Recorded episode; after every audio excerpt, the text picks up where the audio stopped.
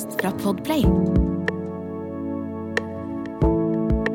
Mitt navn er May-Len Carlsen. 3. juli 2020 fikk jeg en telefon som endret alt. Thomas, min kjæreste, far til våre to barn, har fått føflekkreft stadig fire. Dette er min historie som pårørende på venterommet. Da er det en ny uke og nye muligheter.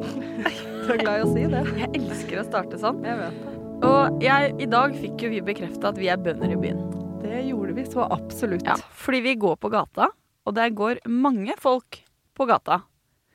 Alle går stille og rolig. Noen hører på pods, andre forskjellige ting. Det ligger en fuckings dau rotte midt i gata. Og den ligger sånn derre Du er sånn Armer og bein Jeg tror ut. til og med du har spist noe av på ryggen. Altså, Ah, fy faen. Og vi hylte. Nei, nei, den skal jeg rette deg på. Jeg ser den, er ganske rolig, dytter til deg, se der, da. Og du bare Ja. Han Så jeg skal ikke ha på meg det at jeg skreik. Det var deg. Og han mannen som gikk forbi da, han smilte så bredt. Han, han datt ut av sin samtale på AirPods, for å si det sånn. Jeg må jo si at Det er jo ikke lang vei fra der vi parkerer bilen til her vi er nå. Eh, men vi opplevde en ting til når vi nærma oss, og det var jo eh, jeg vil si, Skal vi si broren til Thomas? Ja! Vi traff broren til Thomas. Eller eh, for å forklare det bedre, en som mest sannsynlig har stupt av òg. For Ja. der var det noen hevelser i panna og noen blå øyer. Det var hevelse i panna, blå øye, sykehusskjorte, sokker og blå sokker utapå. Og da tenkte vi nå har vi truffet broren til Thomas.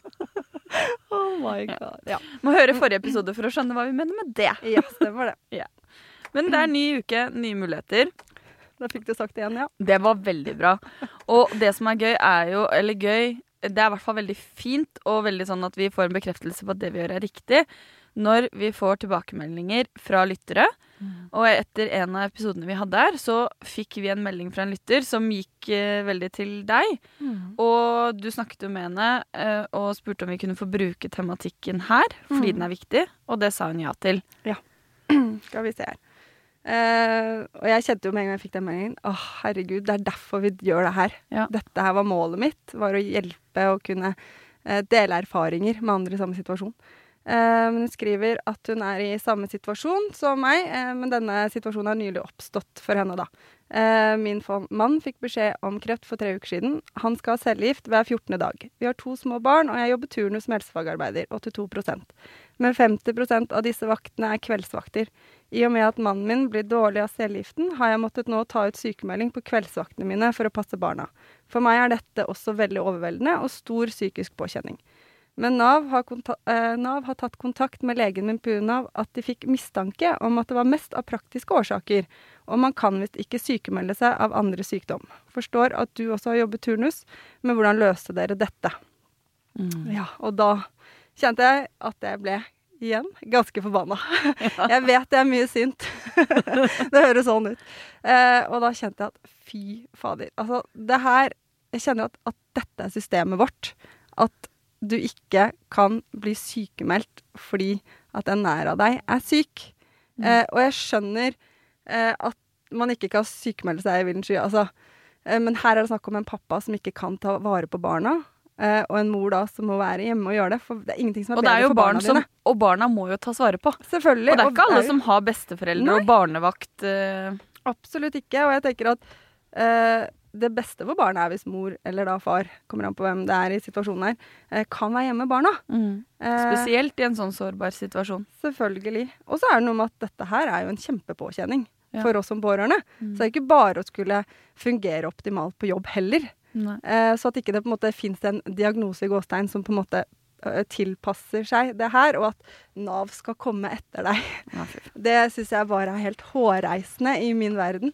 Eh, men i mitt tilfelle, da, for å svare på det, er jo at uh, jeg ble jo Altså, det, vi fikk jo beskjeden i sommerferien i fjor, så jeg var jo ikke noe sykemeldt, jeg hadde jo ferie.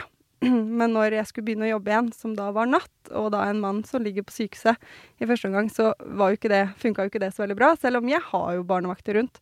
Eh, men for meg så var det viktig å være hjemme med mine barn, for at vi skulle få den stabiliteten. Så jeg drar til legen og snakker med han, og han, min diagnose blir jo rett og slett stress, blant annet. Og det stemmer jo 100% i min verden, da i hvert fall. Mm. Eh, for jeg blir veldig stressa. Eh, og med stress så fører det med seg også da syke, nei, fysiske eh, utfordringer også. Og det har vi jo nevnt i tidligere Kul i bryst. Ja, og stiv i nakken. Altså det er mye, mye hodepine. Det er jo mye som gjør at ikke det er optimalt for meg å gå på jobb, i hvert fall. Eh, så det var jo sånn jeg løste det med min lege. Eh, og etter hvert så tar jeg kontakt med Rask psykisk helsehjelp, for det får du umiddelbart hjelp til. Det var en anbefaling av min lege. For da Det koster ingenting, og du får hjelp ganske fort. Og da for å få hjelp til å få sortert dette hodet. Eh, og så, for min del, så måtte jeg jo ha den hjelpen. Men det er fælt å si det, men det er også for å få det litt på papiret. At det faktisk stemmer overens med min diagnose og hvorfor jeg er sykemeldt. Mm. Eh, og der sto det da stress, men det sto også noe om psykisk. Nå husker jeg ikke helt dette er legen, og han gjorde jo alt riktig, og det stemte jo med meg, men jeg syns bare Jeg bare åh, blir så jeg synes det, blir så, det er så forferdelig å vite at du må tenke på det i tillegg. Mm. Oppi alt. Du er i en kjempekrise i familien. Og så skal du i tillegg tenke på Herregud, kommer Nav etter meg? Gjør jeg noe ulovlig? Mm. Nei, selvfølgelig gjør du ikke det.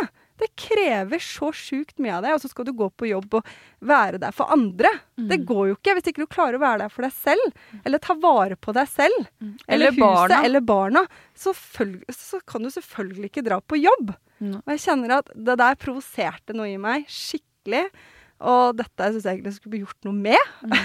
Det jeg vil bare si til dere som hører på, at er Helen veldig rød oppover halsen. Hun er Mm. jeg blir så engasjert. Jeg Ja, blir så sinna. Men det er jo helt riktig, og det er jo noe med det at eh, du Man er mann og kvinne, man har to små barn.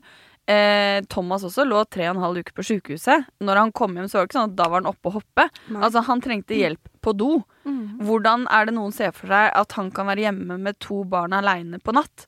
Det er ikke fysisk mulig og gjennomførbart. Nei. Og ungene kan ikke settes bort på natt. Altså, det er ikke et system, vi har jo ikke et system for det heller. Nei. Hvis det hadde kommet inn en type avlastningshjelp fra kommunen fordi den var syk, ja, da hadde det jo vært noe annet. Mm. Men du er jo mamma og må passe på barna dine. Ja, for det her Og de var jo ikke ivaretatt fordi han er syk. Ja, selvfølgelig. Og det er det jeg lurer på. Hvordan tenker Nav at dette skal gjøres i praksis, da? Mm. Du får ikke lov til å være syk på, grunn av andres sykdom. Mm. Men jeg tenker, kan man ikke heller da bli med inn da og se eh, hvordan eh, kan vi gjøre det best for deg og dere? Mm. Og så se an situasjonen. Og se at ja, her er det tydelig at du kan ikke gå på jobb i den situasjonen dere er i nå. Og så få en go på det, og heller føle at du får hjelp, istedenfor å føle at du blir motarbeida, og at du er redd for å gjøre noe gærent. Altså, det er ikke gøy å få Nav på nakken. Nei. Altså, du vil jo ikke det. Nei, For du vil jo på en måte, da har du gjort noe gærent. og det vil man jo ikke. Nei. Og i den situasjonen her så gjør hun jo ingenting galt. Dette Nei. her er jo det hun må gjøre for seg selv, for barna sine og for mannen sin. Og selv om her virker det som at det da er bunna cellegift, og det krever, dette har jo du erfaring med, altså jobben Mm. din. Du vet jo hvor, hvor stor påkjenning det er Mm. for en pasient å gå gjennom cellegift, og da skulle ta vare på to barn og hus og mat og aktiviteter og lignende. Ja, altså, jeg syns jo, tidvis det kan være vanskelig som to friske foreldre og oppegående. At to barn kan være slitsomt. All honnør til alle de som får flere òg, det er kjempebra. Men jeg tror det er, det er så viktig tematikk dere Mm. tar opp. Det at hun skrev til oss, setter så utrolig stor pris på det. Tusen hjertelig takk for spørsmålet. Ja, og vi, dette er eh, virkelig noe å ta opp, og det, er jo, det beveger oss jo også litt inn på tematikken som kommer eh, nå ved siden av, og det gjelder jo da dette med eh, forsikringer, arv. Eh, for det er jo noe med Vi fikk jo et spørsmål her også, det hva tenker du når du hører ordet kreft? Og veldig mange går jo rett i død. Altså Ja, det blir en veldig sånn Umiddelbart. Ja. Dessverre. og det er jo det vi forbinder ordet kreft. Det forbinder vi veldig ofte med død. Og da, det er derfor det er viktig med kommunikasjon rundt kreft. Fordi at eh, mange får den assosiasjonen med en gang. Og det gjør man redd. Og derfor er det viktig sånn som det at vi snakker med barna ofte.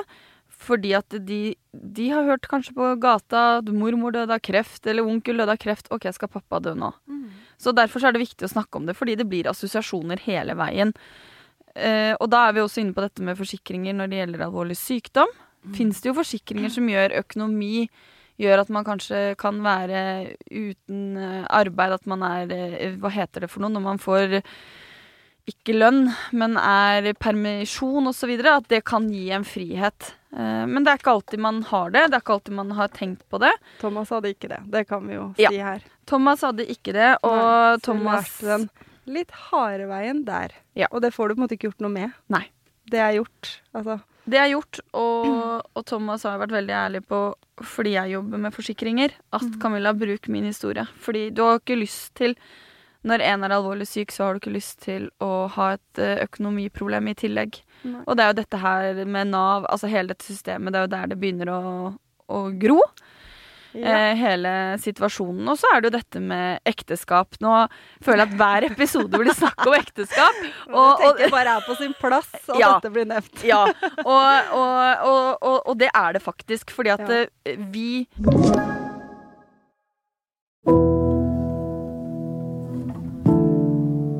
Veldig mange der ute, inkludert meg selv, trodde at når man var samboere, så hadde man de samme rettighetene. I hvert fall etter en viss tid. Ja, etter Mm. fem år var vel noe Ja, man noe trodde. eh, Mm. Også i hvert fall hvis man hadde barn. Mm. Men det stemmer ikke. Nei. Som samboer har du krav på 400 000. That's it. Og det skremte meg. Det skremmer meg òg, Ja. ganske hardt. Og en samboerkontrakt Mm. gjelder ikke lenger hvis en dør. Nei. Den gjelder ved brudd og flytte fra hverandre, men den gjelder ikke hvis en dør. Da er det kun ekteskap eller testament som gjelder. Og eh, Thomas hadde jo, har jo fortsatt, gjeldsforsikring Mm. for at halve lånet skulle bli sletta. Det var jo en Ja, og trygghet. det kjente jeg veldig på sånn eh, når vi gikk gjennom forsikringen og hva Thomas var forsikra eh, med. Eh, og da var det sånn OK, da har han ikke alvorlig sykdom. Og det var kjipt, men så så jeg at vi har faktisk tegna gjeldsforsikring, og tenkte å, fy fader, for en lettelse. For da i hvert fall slettes hans del, for jeg betal, vi betaler jo 50-50. Så tenkte jeg OK, men da vil jo jeg fortsatt klare det. På min del, i hvert fall. Mm. Så det var jeg veldig glad for. og det snakka vi om også, og det var vi alle egentlig veldig glad for at vi faktisk hadde den forsikringa. Helt til forrige uke. Helt til i forrige uke. Fordi at, eh, og dette her er egentlig vår måte å eh, eh, prøve at folk kan se litt på sine personforsikringer også, fordi det er så viktig. For det vi fant ut av når du har en gjeldsforsikring Og da tar vi fiktive tall nå, bare for at alle skjønner hva vi sier, for ellers så Dette i hvert fall jeg av. Yes. Hvis du har et hus som er verdt fire millioner, og du har et lån på tre, så betyr det at Nå bruker vi dere som et eksempel nå. May-Helen og Thomas eier da én million, altså 500 000 hver seg. Hadde Thomas dødd da, og så ser vi bort fra helseforsikring, så hadde han eid 500 000, som skal fordeles på deg og jentene. Det skal også sies at det som endret seg i samboerkontrakten på 2000-tallet, var at det, som samboere så har man dette med felles bruk. Det vil si huset, innbo, hytte og bil kan du sitte på. Men hvis Thomas hadde sittet med en halv million på konto, så hadde ikke du fått noen ting av det. Det hadde gått til jentene. For der følges arveloven, det vil si ekteskap, barn og bla, bla under. Så de pengene hadde ikke du fått. De hadde gått rett til barna. Men dere har i hvert fall et hus til fire millioner. Dere har tre millioner i lån. Dere eier en halv million hver. Det vil si at eh, Og dette tenker jeg er noe å snakke om når man er ung syk. Fordi at eh, man har jo et håp om at man kanskje da og Nå snakker jeg ikke om dere, men generelt at hvis en dør, og man er ung, at man får et nytt liv. Man får en ny kjærlighet i livet sitt. Så må du utbetale farsarv for å la den komme inn i huset, for å ha ting på det rene. Og det må vi jo til enhver tid ha. Det som er med gjeldsforsikring, er slik at når en dør, og sånn som nå tar vi dere som et eksempel, så har dere tre millioner i lån. Det vil si at 1,5 million blir slettet. Det vil si at Thomas sitter ikke med en verdi på en halv million. Han sitter med en verdi på to millioner, som May-Helen må betale ut farsarv på. Det vil si at det er nesten å vurdere skal vi si opp den forsikringen eller skal vi beholde den, fordi jeg får en økonomisk helvete en eller annen gang uansett. Livsforsikring derimot, den kan du begunstige din samboer, så hadde du fått pengene, og da kunne du valgt betale ut farsarv, betale ned på lån. De går utenfor arv. Livsforsikringer som er begunstiget. Men ikke gjeldsforsikring. Det går rett på gjelda, så det ser ut som han eier og har en mye høyere verdi.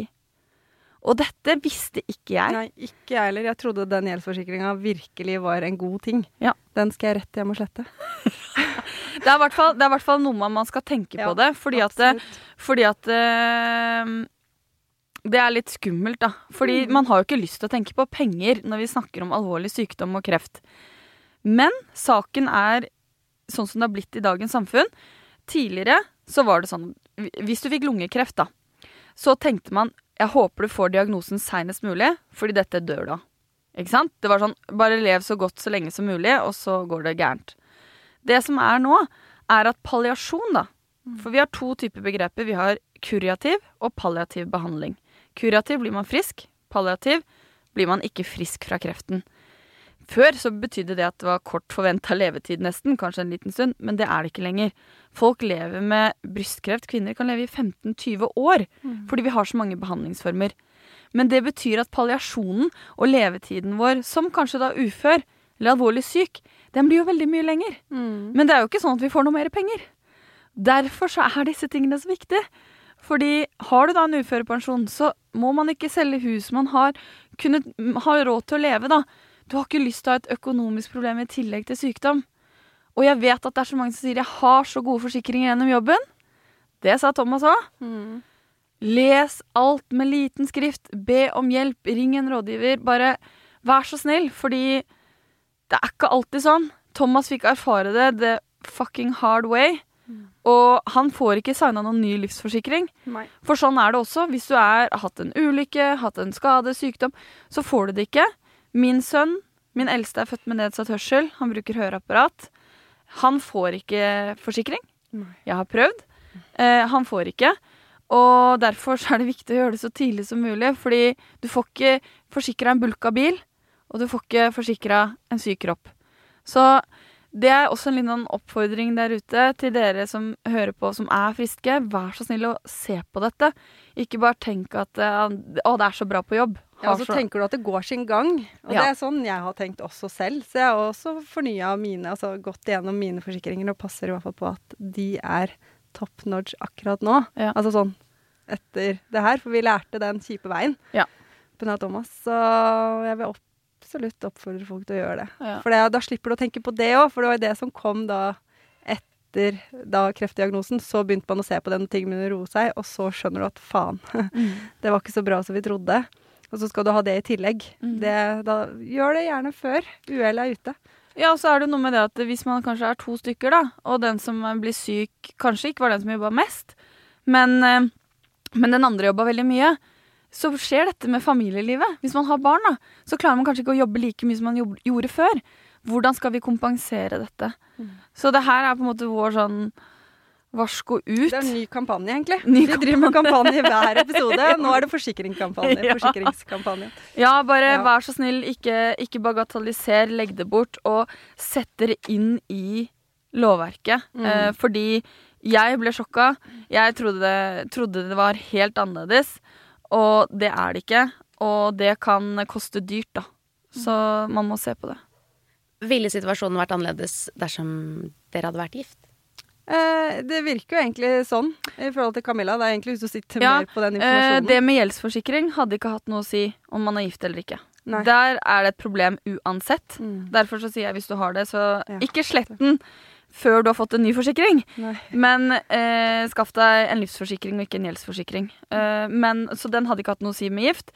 Men hadde han hatt en halv million på konto, så hadde May-Helen også fått fra den. Og, og det hadde vært eh, lettere med sånn som også Hvis han hadde hatt livsforsikring, men ikke begunstiget deg, så hadde det gått til barna Mm. og disse tingene. Så det er viktig å se, for, altså sjekke opp at man har begunstiget den personen man vil gi forsikring til. Og også, jeg vet jo, vi snakket jo litt om muligens har noe via jobb osv. Da må det være begunstiget til samboer, for de er langt ned på rangstigen. Hadde ekteskap trenger du ikke å begunstige. Da går det til ektefelle. Og da er alt man har sammen, deles. Men det gjør det ikke som samboer, og samboerkontrakt er ikke nok. Du må ha testament. Og derfor så sier jeg at de må gifte seg, for testamentet er kjedelig. Jeg er helt enig med deg, Ja. Og nå har jeg fortalt hvorfor. Altså, det er ikke alltid romantisk. Nei, Forlovelsen min var ikke det. Bryllupet, Men jeg har faktisk sagt at det jeg ikke vil ha, da. For jeg er ikke all about the romance uansett. Så jeg har sagt roseblader kan du drite i. Ja. Og masse levende lys, det vil jeg ikke ha. Nei. Og ikke ned på et kne og spille gitar heller. Men du Han kan ikke ha spille gitar heller. Men jeg vil ha frieri. Og vil ha en Og du vil ha ring. Jeg vil ikke ha din gamle ring. Hyggelig ring. For det var sånn Jeg vil gjerne ha en ring til 10 000. Da er vi inne på Nei, det med økonomien. det var- det. Jeg skjønner jo at ikke det er å oppdrive, men jeg vil liksom ikke ha altså, trenger ikke å være 10 000 heller. Kan ikke du fortelle unnskyldningen du hadde da? Fordi at eh, du har jo fått svigerinna di. Ja. Hun var jo på der. Fortell hva, hva Janne sa. Nei, altså hun sa jo det at hun kunne bistå med å hjelpe til å designe en ring. Ut ifra deres Ja. Nei, da sier Thomas, eh, som han pleier å gjøre Det har jeg ikke råd til. Ja. og da sier jo hun at ja, men vi kan jo tilpasse etter hvor mye du har. Ja. Og da sa jeg da kan du komme opp og si jeg vil ha en ring til 3000. jeg er veldig spent på hvordan den ser ut. Men Det er sånn, da vil du få sånn hint av diamant. det, er sånn hint av koriander. Hint av diamant i denne ringen. Med forstørrelsesglass. jeg er ikke så glad i det bling og eh, diamanter heller, egentlig. da. Men det er hyggelig at den ser litt annerledes ut enn andre ringer. da. Ja. Det er hyggelig. Men jeg vil at det skal bli gjort med kjærlighet. Hva med en rund gullring, da? Den ser ut som ja, men det skal jeg ha når jeg gifter meg. Så vil jeg ha gullringer, ja. For det har blitt nytt. At man må ha forlovelsesring. Før i ja tiden til så fikk ja. man Ja, Det har jo ikke vært nytt, det. Jo, for før Det er amerikansk. Før i tiden så hadde man gullringer. Moren din fikk ikke forlovelsesring av faren Nei, din. de tok gifteringene når de forlova seg. Dopp. Og det gjorde mamma og pappa. betalte for det også. Ja, moren din betalte det. Ja, ser du? Ja. Nei, men det, det var ikke sånn før. Nei. Så du kunne Men det er mange som sier til meg at jeg kan fri. Mm. Og den er jeg veldig for at ikke det egentlig skal spille noen rolle. Men jeg tenker at der er jeg litt romantiker igjen. Jeg syns det er hyggelig at han kan gjøre det. Det setter jeg pris på, da. Ja, men det er jo det som er problemet. Men også har jeg også sagt til han jeg gidder jo ikke å fri til en mann som egentlig ikke vil gifte seg. Da får du et nei. ja. Det vil jeg jo ikke. Også, så så- det er jo ikke så veldig innbydende å skulle fri til en som egentlig sier at han ikke vil. Nei, men Han vil jo, men han Ja. vil gjerne at dere går og skriver under på et papir. Og For det du koster ikke så mye penger. Ja. Men du har romantisk, og der står vi da, folkens. Ja. I et evig dilemma. Ja. Ha en fortsatt fin dag.